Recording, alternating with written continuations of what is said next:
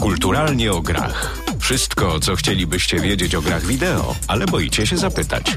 Zaprasza Piotr Picik-Maciantowicz. Dzień dobry, witam w kolejnym odcinku podcastu Kulturalnie o grach. Zwykle ten podcast opowiada o grach wideo, a właściwie o kulturze gier wideo. Dzisiaj skupimy się na grach analogowych, ale jak tutaj już moi goście przed chwilą się zaśmiali z tym, z tym nazewnictwem, może być różnie, więc pewnie o tej analogowości e, gier również porozmawiamy. Dzisiaj e, ze mną razem, razem Joanna Piekarska i Mateusz Hajducki, ekipa e, GOSu Gry Planszowe. Czym jest GOSu porozmawiamy też jeszcze później, bo to bardzo ciekawe miejsce. Mam wrażenie dosyć nietypowe na mapie Poznania, a może i Polski. Polski może nie, bo pewnie takie miejsca są, ale Poznania na pewno. Witam Was bardzo serdecznie. Cześć. Cześć. Słuchajcie, pierwsze pytanie takie bardzo e, ogólne dla wielkich laików tego tematu, czyli e, jakbyście mi powiedzieli, czym właściwie są gry planszowe, bo e, mam wrażenie, że gry planszowe w rozumieniu wielu ludzi to nadal e, Chińczyk, szachy, warcaby, e, ewentualnie monopol dla tych już bardziej wkręconych, ale doskonale e, wiemy, przynajmniej ja i wy, że tych gier jest mnóstwo, więc e, jakie są rodzaje gier planszowych i kiedy mamy do czynienia z grą planszową? Ja bym najpierw zaczął od tego, że niestety polskie nazewnictwo jest dość nieprecyzyjne. Bardzo lubię słowo angielskie tabletop games. E, I ono jest trochę szersze. Ono tak naprawdę zawiera wszystkie gry, które można rozgrywać na polskiej powierzchni na stole. Już od razu tutaj też wszystkich dociekliwych będę uspokajał. Można również grać na podłodze lub na kocu w parku, jeżeli to jest płaska powierzchnia, niekoniecznie stół. To wszystkie takie gry moglibyśmy nazwać e, właśnie tabletop games. I ono zawiera właśnie gry planszowe, bo polskie słowo gry planszowe wskazuje, że do gry potrzebna jest plansza, co nie zawsze jest e, oczywiście prawdą. To są również gry karciane, e, to są również gry posiadające inne elementy, na przykład kafle, czyli jęga. W sumie tam nie ma planszy, nie ma, e, nie ma kart, ale to wciąż jest układanie e, jakichś tam kafli lub na przykład domino. To też są podobne elementy, troszeczkę inaczej układane, ale tam nie ma jakiegoś określonego miejsca, gdzie trzeba te elementy stawiać, a wciąż jest to rozgrywka. Także gry planszowe mm, to jest dosyć szeroka, szeroka rodzina, powiedzmy dziedzina, i jeżeli będę mówił o grze karcianej, o grze karcianej jako o grze planszowej, to, to jakby to jest moje rozumienie nie? E, w tej kwestii.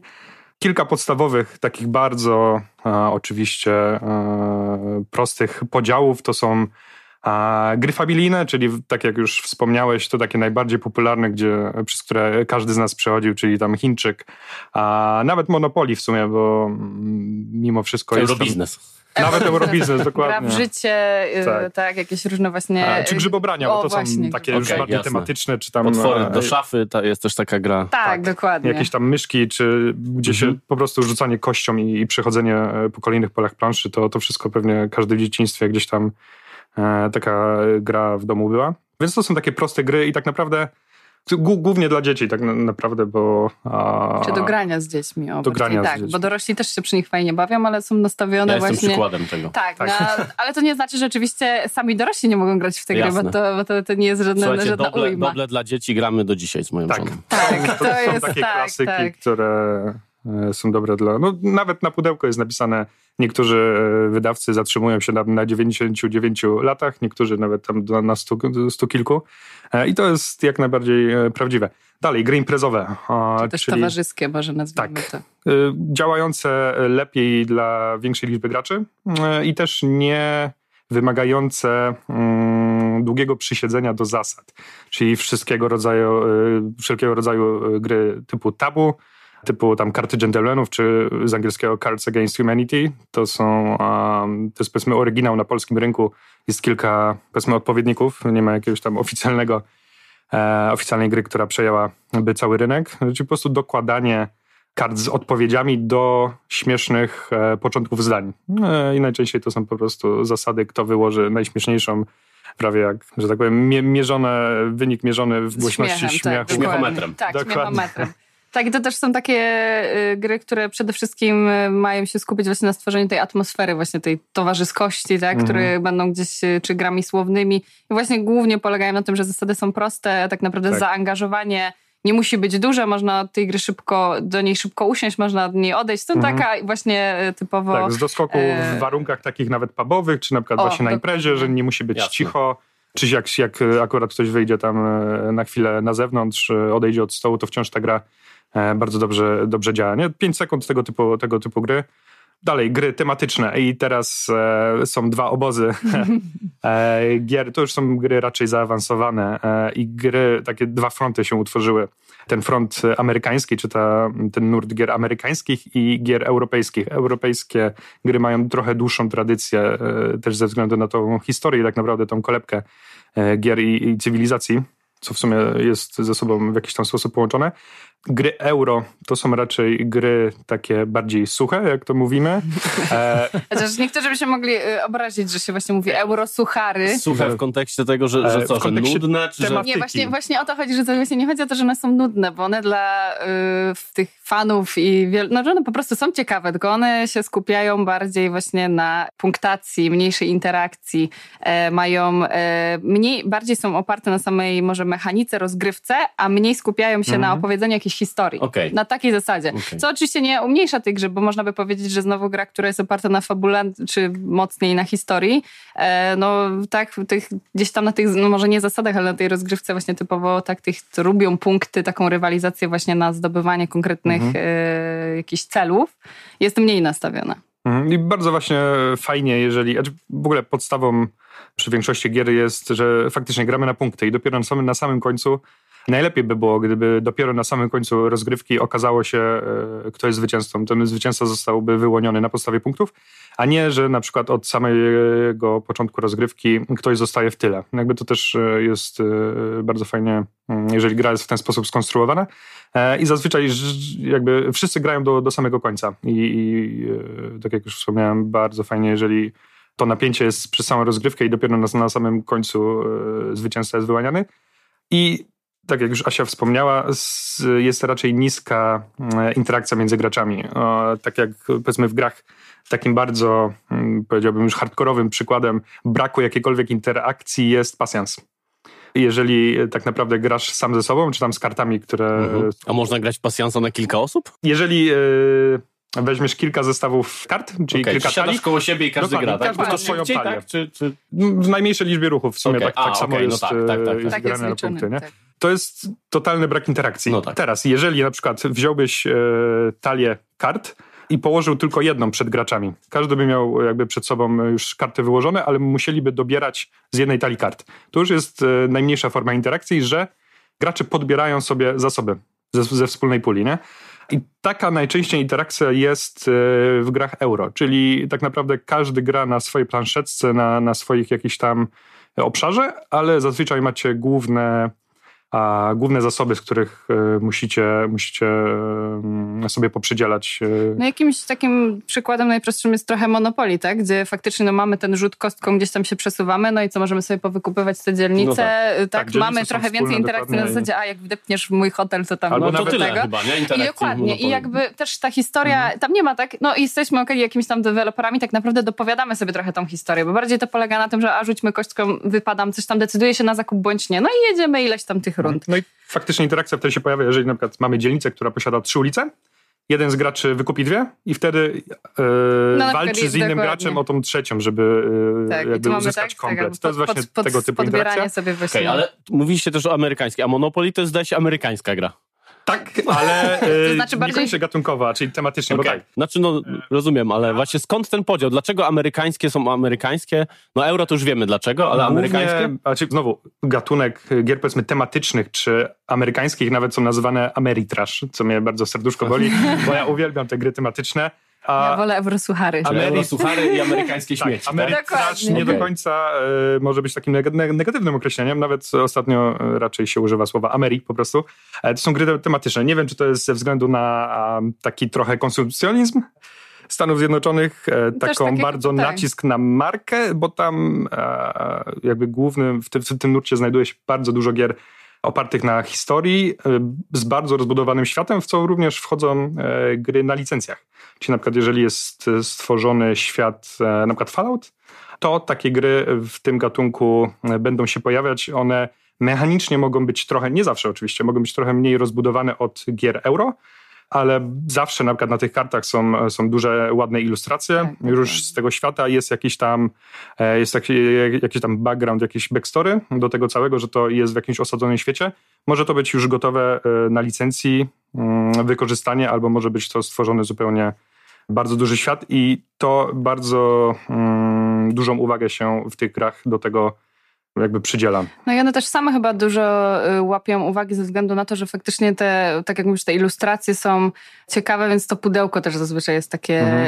Y, interesujące, przyciągające. Czasem się mówi, że właśnie Chociaż teraz ten trend się też zmienia, bo gry są coraz ładniejsze, tak? Kiedyś to były bardzo proste grafiki, bardzo y, uproszczone, no też ze względów finansowych na no wydanie. Jasne a teraz te elementy, tych elementów jest coraz więcej, tak? Ale na przykład w grach właśnie tych Ameryk pojawiają się figurki plastikowe, tak? Gdzie mamy już postaci przedstawione w 3D. Co tak naprawdę nie jest potrzebne, bo taki... To jest e, pionek to tak naprawdę, ale ludek, jest dokładnie. Meeple, który to jest tak. po prostu nawet nie taki zwykły plastikowy pionek jak w Chińczyku, ale to już on ma e, łepek, ma nóżki i tak. łapki to jest Meeple, to też jest... E, Taki symbol mm, tak, gier tak naprawdę. W sumie nawet bardziej tych właśnie eurogier, a tutaj właśnie pojawia się... Ale to jest właśnie to całe takie zatopienie w fabule, taka y, trochę mm. inny...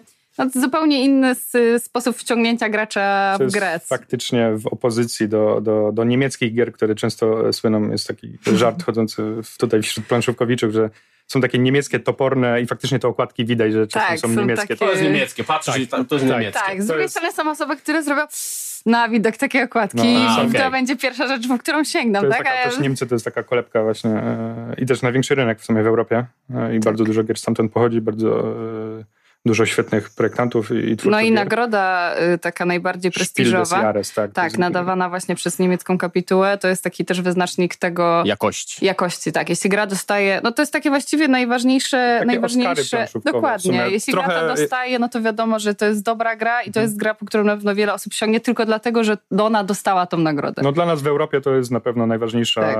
najważniejsza nagroda. Myślę, że właśnie w Stany, Stany powiedziałyby coś innego, ale no to tak, jesteśmy no. w naszym, naszym, naszym okay, obszarze. To jest, to jest tak, że Oscary to w Stanach, tak? A tu mamy jakiś kan, tak? Czy coś takiego? Dokładnie. A kto wygrywa te, te niemieckie nagrody? Raczej te eurogry, czy raczej te amerykańskie? Bardzo zależy. W zeszłym roku raczej to była gra faktycznie euro, z tym, że teraz już coraz częściej doceniane są gry jakby starałem się faktycznie, ta kapituła stara się nagradzać naprawdę dobre gry, no też jakby to też pokazuje mhm. e, jakość tej nagrody, że to nie jest dlatego, że tak, to jest kolebka eurogier, to dostają tylko eurogry, mhm. tylko faktycznie rozpatruje się pod wieloma względami. To musi być gra, która jest dobra mechanicznie, która nie ma błędów, gra, która się dobrze gra na różnych poziomach, tak, działa dobrze na tak, działa dobrze na wiele graczy, tak, bo może być gra, która mhm. jest niby od dwóch do czterech graczy, ale na dwójkę nie ma sensu grać.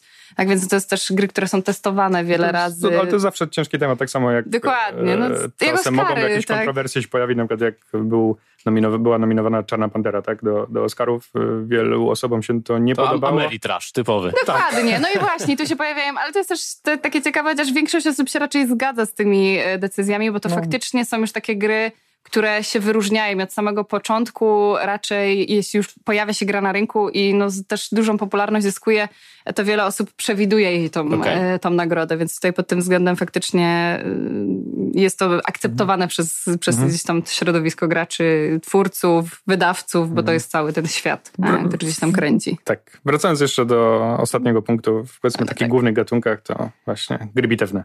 Żeby nie zapominać. Chciałem o to zapytać właśnie. Właśnie, żeby nie zapomnieć. Kiedyś miałem okazję uczestniczyć w takiej epickiej rozgrywce z gier bitewnych i Jezu, to no, było ciężko to przyrównać do y, jakiegokolwiek innego, powiedzmy, gatunku, czy tam, no to są bardzo ogólne, to też te, te gatunki się tam ze sobą łączą ciężko. Może na, na, przykład, mm, na przykład, może na samym początku mm, te gatunki były od siebie mocno oddzielone, w sumie podobnie jak w grach komputerowych. Jak już jest action RPG, no to to jest bardziej RPG, czy to jest gra akcji, ciężko powiedzieć. No, no też teraz y, im dalej, im bardziej popularne gry y, planszowe, tym e, więcej się robi takich e, tak naprawdę interdyscyplinarnych, powiedzmy, tak, dokładnie, że mamy gry nawet tak, które korzystają z aplikacji, mamy gry, które korzystają i trzeba grać z komputerem czy z jakimś oprogramowaniem, tak? Są e, gry, które no właśnie, mają tą niby ten swój core w euro, ale znowu dokładają do tego historię. Także tutaj jest taka, no to tak naprawdę jest takie dosyć zazębiające się. Trudno powiedzieć, żeby jakaś gra.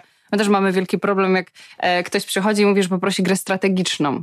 I co to znaczy gra strategiczna? no tak. Kiedyś by się powiedziało tak, ryzyko na zasadzie spotykają się armie. Klasyk. Tak, klasyk. Ale teraz już gra strategiczna to oznacza dużo więcej tak naprawdę. Mm. Strategiczna, czyli jakaś, która ma właśnie wymaga podejmowania decyzji w trakcie. I to nie musi być wcale y, tak y, gra, która polega na zbieraniu punktów, bo to równie dobrze może być gra oparta na fabule, y, tak, i gdzie mamy te decyzje może bardziej moralne, może mamy właśnie bardziej decyzje pod tytułem rozwój postaci. Więc tak naprawdę ktoś przychodzi i mówi, bo ruszę grę strategiczną, no to to jest za mało, żeby cokolwiek... Zdefiniuj strategię. Dokładnie, zdefiniuj strategię, a sam potem ktoś też mówi, no w sumie ja szukam takiej gry, która to, to, to i tamto, Albo... no to pytamy o konkretną nazwę gry, w którą już grał i tak. podaje grę, A, okay, którą no, zupełnie byśmy nie pomyśleli. Nie, dokładnie. No, no, on uważa za... Tak. Właśnie. Na przykład może powiedzieć, że, nie wiem, że doble są strategiczne, bo według niego tam jest jakiś jest element, który pod to tak. podpada, nie? Tak, raczej Szeroko pytamy jest. o to, tak, jak też pomagamy wybierać gry, to też y, dużo pytamy o to, albo już w co grali, albo co im się w ogóle podoba, bo nie trzeba koniecznie zagrać w grę, tylko na przykład, o, widziałem właśnie ty miałeś, brałeś udział w e, jakiejś rozgrywce bitewnej, tak, i już ci się to spodobało, no to powiesz, o, były figurki, było coś tam, taki element, to też jest w ogóle super zagadka, jak ktoś przychodzi, grałem 10 lat temu w taką grę, tam była taka wieża, i w tą wieżę rzucało się kości. Ja szukam tej gry. No i teraz zastanowienie się, gdzie były kości, gdzie były wieże. Oczywiście ktoś pamięta jakąś nazwę, oczywiście okazuje się, że ta nazwa jest zupełnie niezwiązana z tą grą, albo to jest w ogóle jakiś tego, no ale właśnie to jest też takie fajne odszukiwanie po elementach, y, po elementach gier. Zresztą też mamy zawsze zabawę po jakichś większych wieczorach gier. Y, no elementy się w grach gubią, wiadomo. Najczęściej tych, im bardziej eurogra, tym więcej elementów w grze najczęściej. I te elementy się wiadomo lubią spać ze stołu, zgubić się, odbić i tak dalej. No i potem jak sprzątamy po takich wieczorach, no to na podłodze znajdujemy różne elementy. No i teraz odszukiwanie ten element, z których z 460 gier przyczepić, tak? No tak. Tak, bo to, że jest y, drewniany ludzik y, w kształcie zwierzątka, to się okazuje, że jest 40 gier, w którym można znaleźć taki, takiego drewnianego ludzika, także też jest y, takie całkiem ciekawe. Same, sama zawartość gier jest też bardzo różnorodna, nie tylko sama tematyka. Okej, okay, wróćmy jeszcze na chwilę do tych bitewniaków, bo właściwie nic nie powiedziałeś. Powiedziałeś, że są. No, zostałem tutaj wcięty. Gry bitewne tak naprawdę e, jedyną wspólnym, jedynym wspólnym elementem jest to, że najczęściej ma figurki. Bo to też jest, e, niekoniecznie muszą być to pojedyncze figurki. No też zależy od skali, bo tak naprawdę gry bitewne wywodzą się od jakichś tam symulacji tak naprawdę wojskowych. No, czy, czy to bieganie e, z kijkiem jako, jako dzieciak, czy, czy faktycznie już na wyższym poziomie potem jako e, dorosły, czy nawet faktycznie w, w jakichś tam warunkach, czy, czy w szkole wojskowej. Przesuwanie całych armii to jest wciąż zabawa w wojnę. To było od zawsze. E, więc jeżeli e, nie można było tego przeprowadzać e, fizycznie i samemu iść na wojnę, no to zawsze ktoś tam się w tą wojnę bawił. Wszystko zależy też od skali właśnie, bo są, są systemy bitewne, w których możemy przeprowadzać całą inwazję w skali globalnej, czyli powiedzmy już gramy na mapie czy to Ziemi, powiedzmy, czy jakieś, w jakimś wyimaginowanym uniwersum, lub można przejść nawet do, do jednostek, jednostek wojskowych składających się z kilku figurek. To już są naprawdę takie potyczki gdzieś tam zaczepne w jakichś najczęściej nawet e, określonych e, scenariuszach. To wszystko jest do wyboru. Dalej, setting, jaki Cię interesuje, bo najczęściej to jest pierwsza rzecz, e, która decyduje o tym, mm, w jaką grę się zanurzysz. Wyjaśnijmy setting, czyli jakby świat, w którym odbywa się akcja gry. Tak. No, w sumie tak naprawdę, bo to nawet mogą być różne e, historyczne czasy, czy to e, faktycznie starożytność. Wtedy też e, te wszystkie jednostki będą różne czy to nawet mogą być wymyślone jakieś światy fantazy, światy science fiction. To wszystko praktycznie cokolwiek byś nie wymyślił, to, to ktoś jest. coś takiego tak, zrobił. Tak, Avengersi. Na, nawet jak ludzie czegoś im brakuje, Sami robią. Sami robią, jeżeli potrzebują figurek, jest to sklejane e, i tam ręka z jednego, tutaj z drugiego, klej, o, przyjmie, tak. klej tak. przyjmie wszystko, tak. jeżeli potrzebujesz. Bo tak naprawdę to też obrano w jakieś tam zasady, żeby to faktycznie nie było, że a, moja figurka ma tam over 9000 mocy. No wiadomo, jakiś balans musi Tak, być, dokładnie. tak? Wszystko roz, rozwali. Jeżeli nie, faktycznie balans co do siły każdej z jednostek, to nawet jakby ich liczebność, to też wszystko są, jest obrane w zasady, żeby to jakoś, jakoś było uczciwe. No to wszystko się bierze tak naprawdę jakby zostało rozpowszechnione i obrane w takie mocniejsze zasady za czasów pruskich. Oni, jakby armia, armia pruska e, bardzo mocno inwestowała w, właśnie w szkołach e, oficerskich w taką naukę zasad taktyk e, już na, e, na przykładach właśnie na mapach, na jakimiś tam jednostkami. No, no oczywiście to też e, ciężko było dokładnie zasymulować, przewidzieć wyniki takiej bitwy, ale mniej więcej nawet na jakiejś tam zasadzie papier, kamień, nożyce, żeby wykorzystać odpowiednie jednostki do odpowiednich działań, do odpowiednich celów. To wszystko tamtędy, tą drogą było ćwiczone, czy właśnie jakieś najazdy z wykorzystaniem terenów. E, Takie systemy były tam zawarte. No i dalej, na początku mm, tak naprawdę w sumie jakbyśmy, jakbyśmy się zastanowili, jak większość technologii, większość e, jakichś tam usprawnień i, i, e, wynalazków najpierw była na użytek armii, bo to było to, co, No tak, coś w tym jest. Popycha, popycha co popychało rozwój. Ale nie spodziewałem się, że gry bitewne również, chociaż tak no, No jakby się zdrowy no jakby rozsądek się- właśnie na właściwie tak, pytanie, czemu czy nie, no. dobitek, nie? No. Tak, tak, tak. No i potem właśnie to się rozrosło y, na bardzo różne systemy. Teraz y, najbardziej popularne y, systemy od y, brytyjskiej firmy Games Workshop. Warhammer 40 tysięcy. Dokładnie. Też bardzo lubię. To właśnie było to, w co grałem. Tak. Ale nie zapomnijmy, że jest też Age of Sigmar albo jakieś lasery, inne. kosmiczne elfy, brutalność, to jest właśnie to. Znaczy ja nie ukrywam, że y, taką rzeczą, która bardzo przykuwa w tych grach, no to są te makiety, właśnie figurki pomalowane i tak dalej. A i bo- to jest bardzo ciekawe, co, co mówisz, bo wszyscy widzą jakby efekt końcowy tego, widzą tą bitwę i widzą te pięknie pomalowane figurki, ale trzeba zwrócić uwagę na to, że te figurki nie przychodzą takie ładnie pomalowane. tak, tak, to się- Więc to to, hobby zgadza. jest o tyle y, ciekawe i interesujące, że to tak naprawdę każdy może znaleźć coś dla siebie, bo niekoniecznie trzeba grać. Ja na przykład niekoniecznie czuję się w y, rozgrywkach bitewnych, wojskowych i tak dalej, ale sklejanie figurek, malowanie figurek, kolekcjonowanie Żeby to figurek, ładnie wyglądało. żeby to po prostu ładnie wyglądało, żeby tak naprawdę cieszyć tym oko, nawet niekoniecznie tym grać. Może jakieś tam mniejsze rozgrywki i tak dalej, no to jak najbardziej w tym hobby też się znajduje. Czyli mogę powiedzieć, że gry bitewne też jak najbardziej są dla mnie, mimo że tak naprawdę tej bitew ostatecznie niekoniecznie y, gdzieś tam będę odgrywać. kolekcjonersko. Dokładnie, więc to jest o tyle fajne, że tutaj jest faktycznie y, tak naprawdę taka różnorodność, że każdy znajdzie tam gdzieś tę swoją, swoją cząstkę w tym, bez względu na to, w czym się najbardziej No czuje, i nie? malowanie, no malowanie jest to jest... w sumie tak naprawdę osobnym hobby, bo tak. to są artyści, ludzie, którzy się tym zajmują, to są artyści, to jest naprawdę trochę faktycznie malarstwo e, redukcyjne, jakby zupełnie osobna gałąź malarstwa niż e, na przykład na płótnie, czy tam jakieś pejzaże tego typu, E, ale faktycznie e, na przykład w skali naj, najczęstsza taka główna 28 mm od podstawki do linii oczu. Czyli taka figurka ma, ma prawie 3 cm, ona ma rękę tam o długości 2 mm na przykład.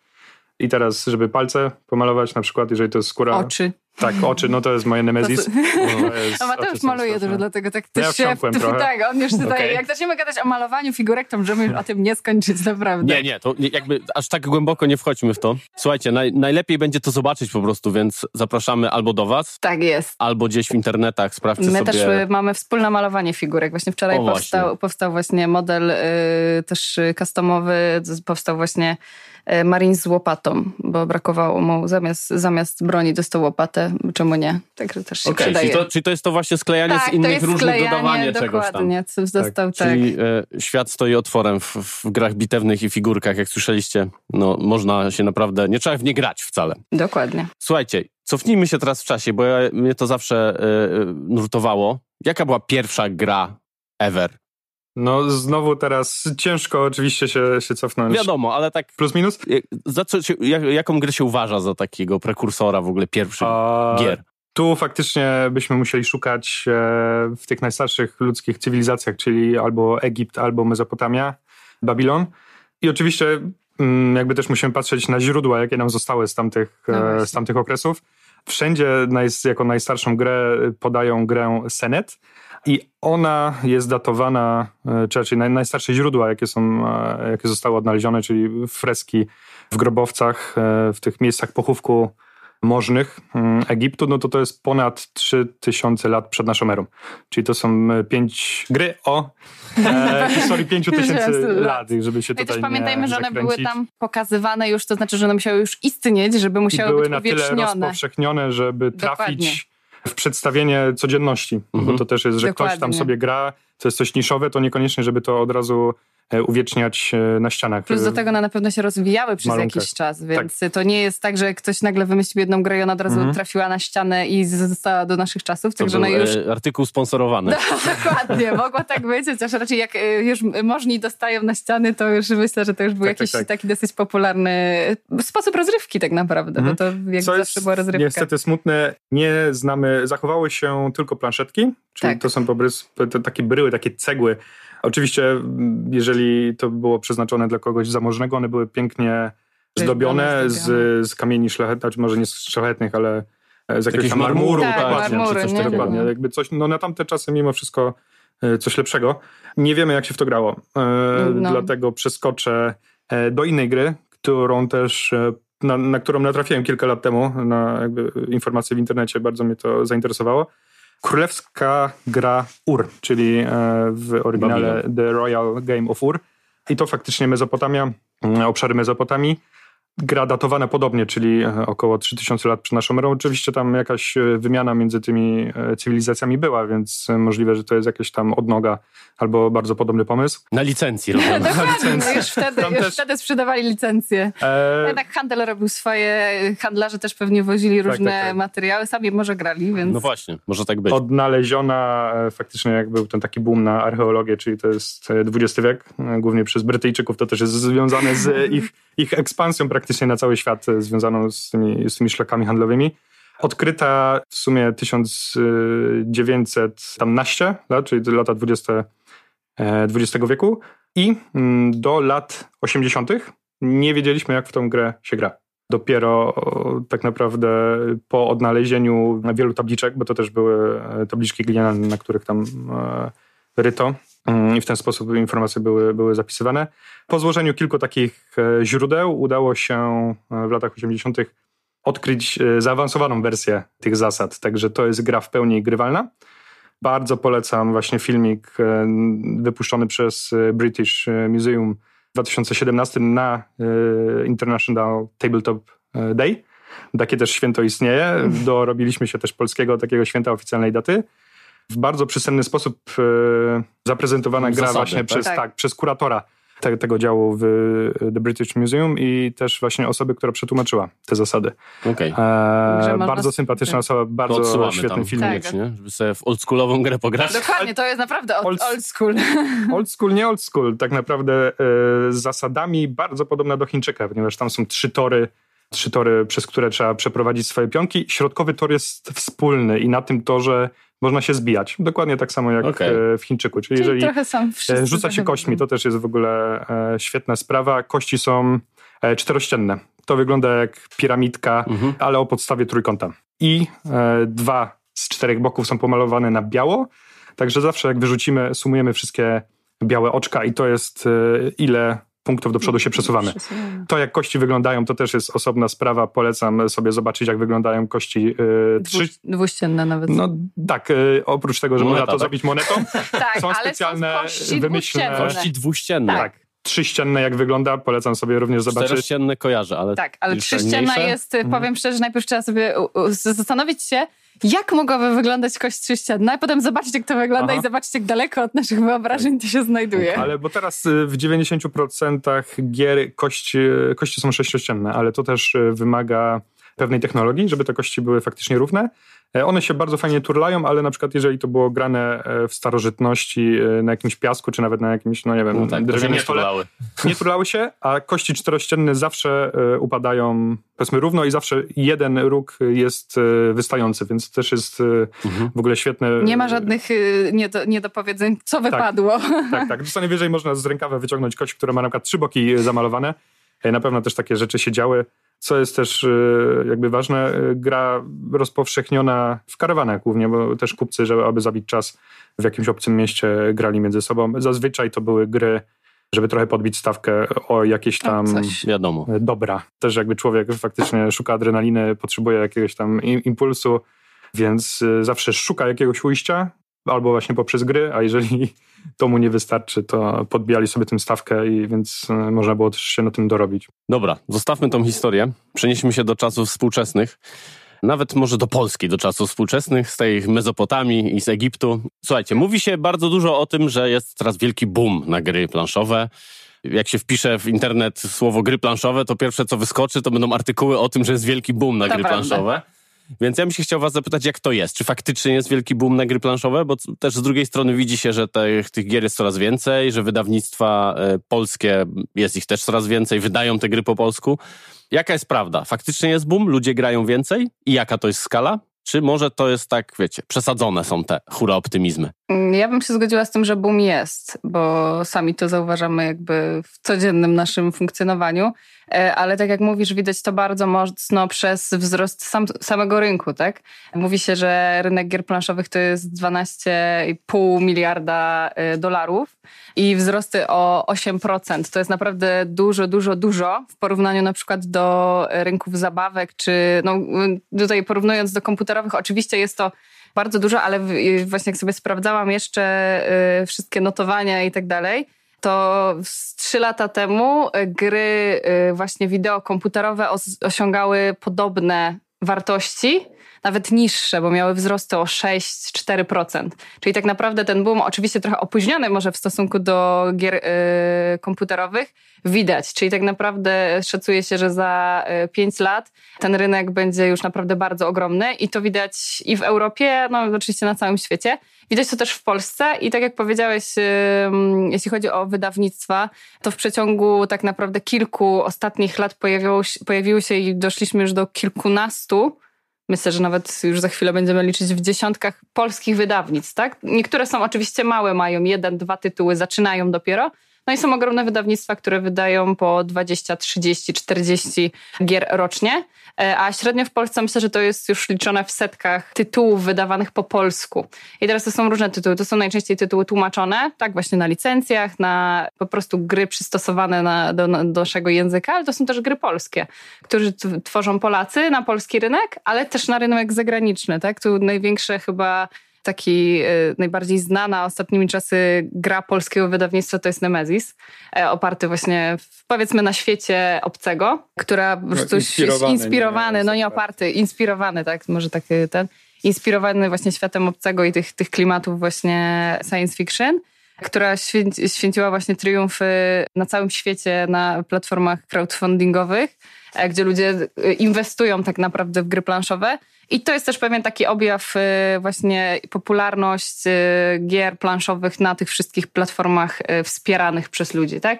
To, że ludzie chcą swoje pieniądze zainwestować w grę, która wyjdzie dopiero za chwilę. Wierzą w projekt, bo im się to podoba, bo chcą w to zagrać za, za jakiś czas. E, no ale też widać to chociażby po tym, jak wiele osób do nas trafia i mówi, ja usłyszałem, że gry planszowe są fajne, chcę tego spróbować. E, I to też pokazuje, że skoro gdzieś to usłyszał, zobaczył, no to znaczy, że o tym się mówi, że o tym gdzieś na to trafia, że są reklamy, że ma znajomych, którzy gdzieś go też w to wciągają. Także jak najbardziej e, w tą stronę ten, to, ta moda jest.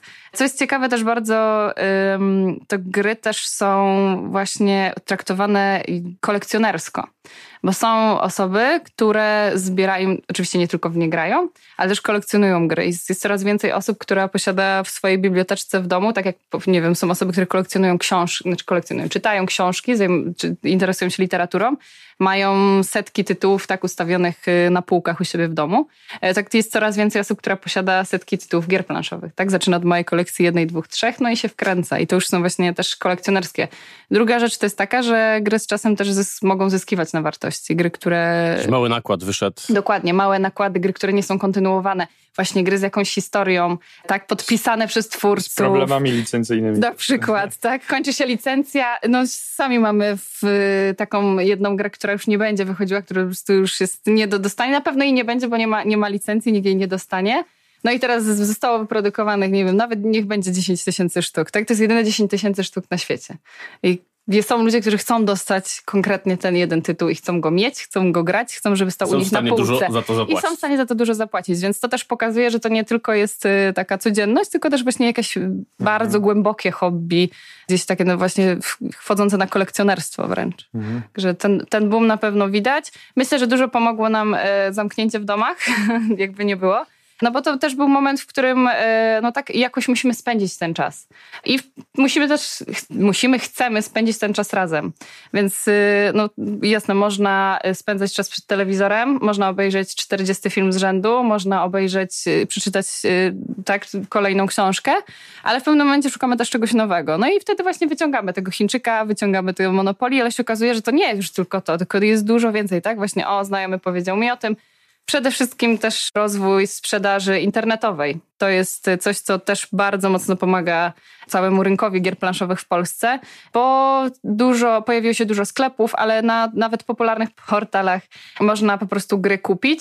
To przez jedno kliknięcie i za dwa dni mieć je w domu, zacząć grać, otworzyć, więc y, jest to na tyle dostępne, że tak naprawdę jest już y, w sumie w każdym sklepie. Także to też pokazuje, jak to, jak to jest y, powszechne i popularne. Ten rozwój faktycznie gier to jest tak ostatnie 20 lat, te ostatnie 10, czyli tam 2010 wzwyż, to było takie już naprawdę e, krytyczne, powiedzmy, na, na, na, najwyższy rozwój tego typu rynku. No my jesteśmy trochę, e, że tak powiem, poszkodowani przez całą historię, gdy cały Zachód, oczywiście no Stany to już tam od, od dawna rozwijały te rynki, jakby zajmowały się hobby i tak dalej. No my mieliśmy trochę inne problemy e, tutaj w Europie Wschodniej i myślę, że te kilkadziesiąt lat do tyłu, teraz dopiero to nadganiamy, to już widać. Dokładnie. E, Tak naprawdę e, już, już jesteśmy praktycznie taką kulturą zachodnią i też e, mamy czas na hobby, mamy pieniądze na hobby.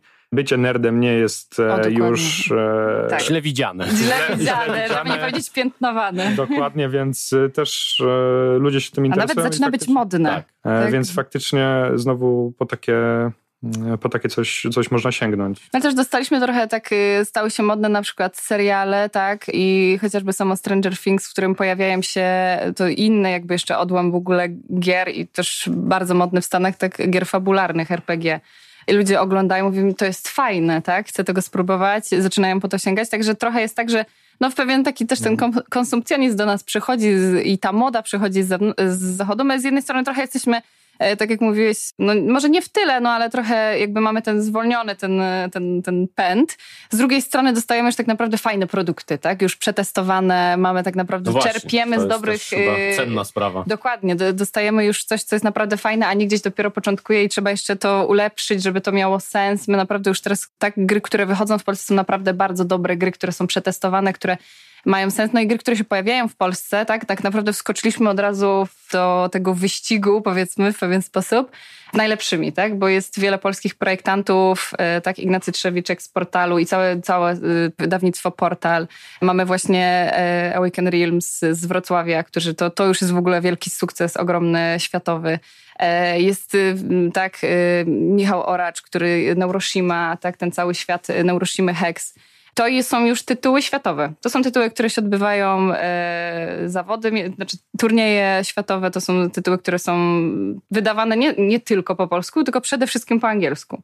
Tak więc już tak jakby wskoczyliśmy w tą, w tą czołówkę e, i, i nadganiamy. No i jest coraz więcej tych, e, tych tego zresztą coraz więcej jest właśnie tych nerdów, pozytywnie ich nazywając, że sami siedzą i kleją gry, składają, testują, przechodzą z prototypami i w końcu ostatecznie sprzedają swój projekt do dużego wydawnictwa, No które tak, je to- wydaje w Polsce. Ta globalizacja też, czy to Pomaga. dobre, czy, czy e, złe na dłuższą metę, jednak pozwala, e, nieważne z jakiego miejsca wychodzi się z pomysłem, jeżeli to się sprzedaje, są, są sposoby, jest Kickstarter, nawet nie trzeba mieć bardzo dużych własnych, e, własnych nakładów finansowych. Wystarczy dobry pomysł i tak naprawdę można, można właśnie już sam pomysł napędzić, sprzedać i potem z sukcesem wydać. Dobra, słuchajcie, teraz może dwa słowa o waszym przedsięwzięciu. Skąd pomysł na taki biznes? Bo tak jak wspomniałem na początku, to jest coś innego niż tylko sklep z grami, bo to jest gralnia, wypożyczalnia i takie miejsce spotkań chyba bardziej. Dokładnie. No więc właśnie, skąd, skąd taki pomysł? I teraz znowu nie będę oryginalna, jak powiem, że ze Stanów.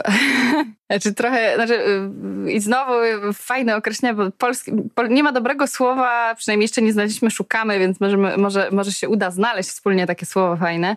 które właśnie określi takie miejsce. Bo za granicą jest to Board Game Cafe. Czyli niekonie, niekoniecznie kafe oznacza kawiarnię, bardziej chodzi o ten klimat, gdzie faktycznie są stoliki, przy których można Ale sobie jednak usiąść. board i porozmawiać. game, a nie tabletop.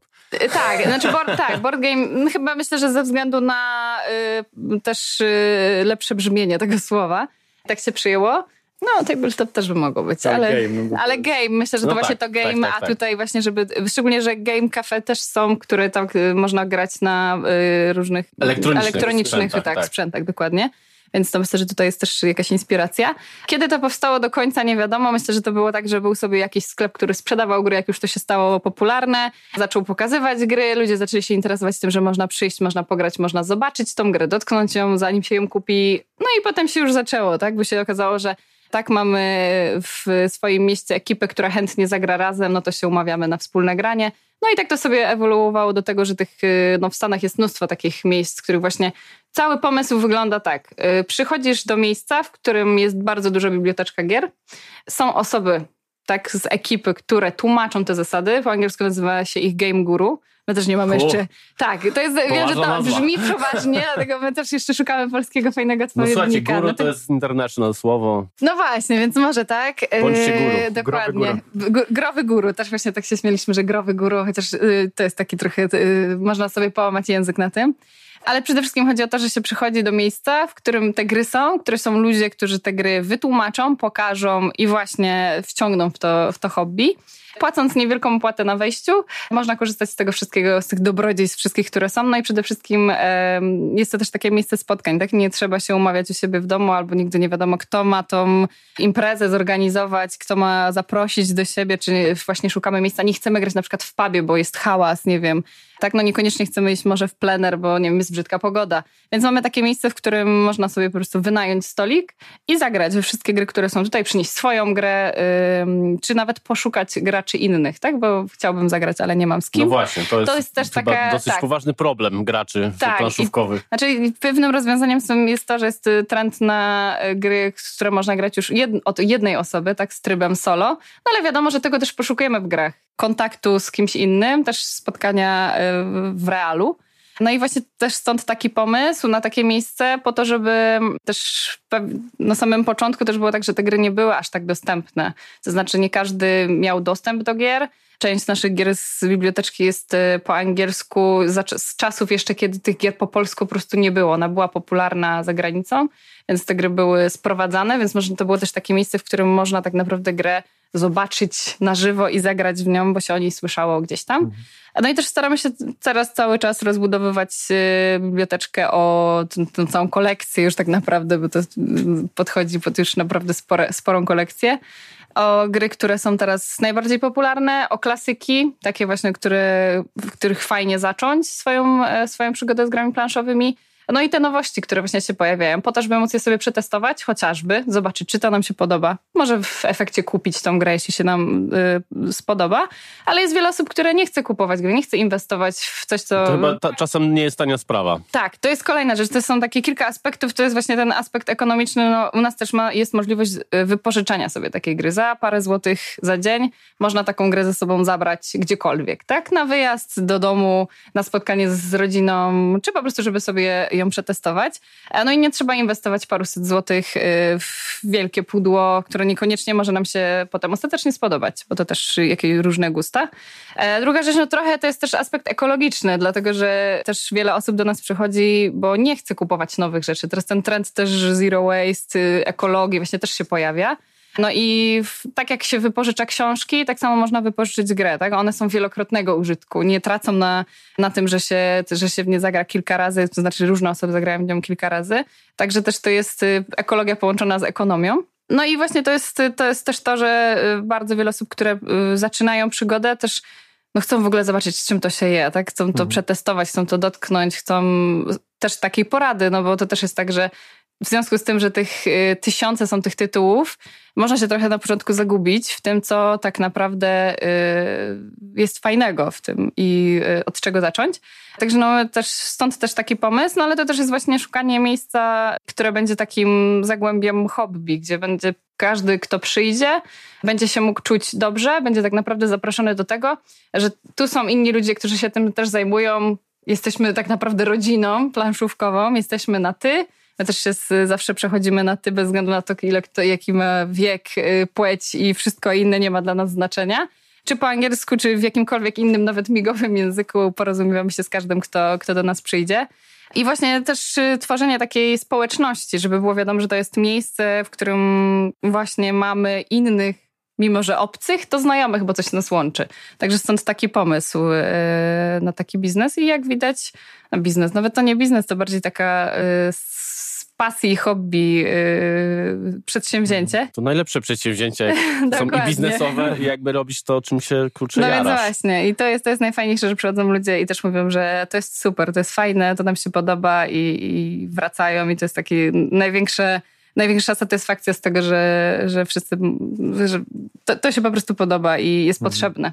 E, jeśli chodzi o też w Polsce pojawiają się, jest kilka takich pomysłów, dużo więcej jest oczywiście czy kawiarni, czy pubów, które mają też coraz większe rozbudowane właśnie te swoje biblioteki gier. No my się skupiamy na tym, żeby faktycznie nastawiać się typowo na te mm, granie, może nawet nie na gry, tylko na granie właśnie, na, na popularyzację. Na, na interakcję. Tak, na interakcję, na, na kontakt. No i też y, tutaj wychodzimy z założenia, że opiekujemy się od samego początku do końca mhm. tymi, którzy do nas przychodzą, e, czyli e, tak, nie są zostawieni sami sobą z instrukcją, tylko no, my mamy w głowie te wszystkie instrukcje, także siadamy, mhm. tłumaczymy zasady, w trzy minuty mamy wejście do, właśnie to, co uwielbiam, uwielbiam w tym pomyśle, że y, tak naprawdę spłaszczamy do minimum ten próg wejścia. Dokładnie. E, dla osoby, która przychodzi, a interesuje mnie to i to i to. Kiedyś grałem w taką grę. Usiądź, może spróbujesz tej gry, nie? E, wprowadzamy od razu, staramy się przeprowadzić przez te pierwsze kilka tur, aby oczywiście, no człowiek, człowiek uczy się na doświadczeniu, na, na, na rzeczach, które sam robi, także prowadzimy przez te kilka pierwszych ruchów no i potem, jeżeli są jakieś też wątpliwości, to, to zawsze się staramy e, pomagać, tak. żeby Rozwiązujemy konflikty był. nad planszą, w razie czego jak jest jakiś on zrobił tak, a nie powinien, a on chyba tam coś tam, także też, też w, taki, w takich klimatach pomagamy, ale to jest fajne w tym, co nam się podoba. Okej, okay, czyli jak chcecie się poczuć zaopiekowani i albo rozpocząć swoją historię z grami planszowymi, albo nie tylko planszowymi, bo też innymi, tabletop, tabletop. grami. Jak macie pomysły, jak e, nazwać to po polsku, to też zachęcamy do pisania do Was, do szukania Was. Gdzie Was szukać? Gdzie nas szukać? Najszybciej znaleźć nas y, na Facebooku i mamy też stronę internetową, to jest www.gosu.pl po prostu. Wpisując Gosu w wyszukiwarkę po prostu, ale dlatego polecam Facebooka, bo tam pojawiają się wszystkie informacje odnośnie naszych wydarzeń, y, wszystkich turniejów, tak naprawdę wszystkiego, co u nas się dzieje, mnóstwo zdjęć. Można do nas zadzwonić, można do nas napisać, można do nas przyjść. Jesteśmy na Rybakach 22 codziennie. No i właśnie, to jest chyba najprostszy sposób, po prostu przyjść, zobaczyć, jak to wygląda. Okej, okay. jeszcze jedno pytanie, ostatnie. Jak sobie radzicie w czasach epidemii? Jak sobie radzimy w czasach epidemii? Powiem tak, jeśli chodzi o wsparcie, powiedzmy, biznesu, to najbardziej nam pomagają gracze po prostu. E, my akurat w czasie tej takiej najgłębszej epidemii, powiedzmy, e, i tych największych ograniczeń, e, przerobiliśmy biznes na gry w dowozie. Można było grę zamówić z dowozem do domu i z odbiorem oczywiście bezkontaktowo i tak dalej. I to jest coś, co tak naprawdę y, nas y, gdzieś tam y, uratowało w pewien sposób. No tak naprawdę uratowali nas gracze. Nasi, nasi gdzieś tam stali, stali bywalcy, ale też nowe osoby, które właśnie gry zaczęły zamawiać do domu. E, my też mieliśmy możliwość pomagania online tak, z wyborem gier, z jakimiś tam wątpliwościami, jeśli chodzi o instrukcje i to tak najbardziej nas, nas utrzymało. Także to też wielkie podziękowania dla wszystkich, którzy gdzieś tam wsparli ten pomysł. E, no a teraz pomału już też stacjonarnie, z oczywiście zachowaniem wszystkich zasad bezpieczeństwa, odległości, dezynfekcji i tak dalej, i tak Jasne. dalej. Wracamy już trochę w normalnych tak naprawdę warunkach do turniejów, do, do grania na miejscu. Cały czas działa wypożyczalnia, e, więc tak naprawdę przy, żyjemy dzięki, dzięki osobom, które do nas przychodzą. Więc to też jest bardzo, bardzo fajne wsparcie właśnie takiego małego w sumie biznesu, tym, żeby przyjść, zobaczyć, pomóc, wesprzeć, e, chociażby pogadać, bo to też jest, e, też jest zawsze bardzo pomocne, gdzie to po prostu widzi się miłe, to, miłe twarze, uśmiechnięte, to też bardzo mocno pomaga. Także jakoś sobie radzimy. Zobaczymy, jak będzie dalej, oczywiście, ale jesteśmy dobrej myśli, bo yy, widać, że yy, jesteśmy też spragnieni tego kontaktu, jesteśmy spragnieni grania, jesteśmy spragnieni no po prostu drugiego człowieka coraz bardziej. Yy, no a przez gry planszowe też mamy taki, taką możliwość, no właśnie spędzenia czasu yy, razem. Wiele graczy radziło też sobie y, grając online, bo wiele gierek y, planszowych właśnie w dobie y, pandemii zostało albo przez, tak, scyfryzowanych, albo były już wcześniej, tylko zyskały na dużej popularności i po prostu te... Ale to już nie to chyba, co? No i właśnie to jest to, że to było takie na przeczekanie, a teraz wracają do tego, żeby faktycznie ponownie się spotkać. To też y, pomogło zawiązać nowe znajomości, bo wiele osób się tak naprawdę przez te gry online poznało. Myślę, że też na dłużej. E, I może teraz w, w, już w rzeczywistości analogowej się, się też spotkają. Dobra, słuchajcie, dziękuję Wam bardzo. E, mam nadzieję, że czegoś się dowiedzieliście o e, grach planszowych. Po więcej wiedzy, myślę, że bardzo dużo więcej wiedzy. E, zapraszamy do GOS-u. Moimi gośćmi byli Joanna Piekarska i Mateusz Hajducki, ekipa GOS-u Gry Planszowe. Rybaki 22. 22, dokładnie. Zapraszamy. Serdecznie zapraszamy. Do usłyszenia i zapraszam oczywiście do kolejnego odcinka podcastu Kulturalnie o Grach, czy też Księżniczka znajduje się w innym zamku, bo to jego druga nazwa. Do usłyszenia, trzymajcie się. To był podcast Estrady Poznańskiej Kulturalnie o Grach. Więcej na estrada.poznan.pl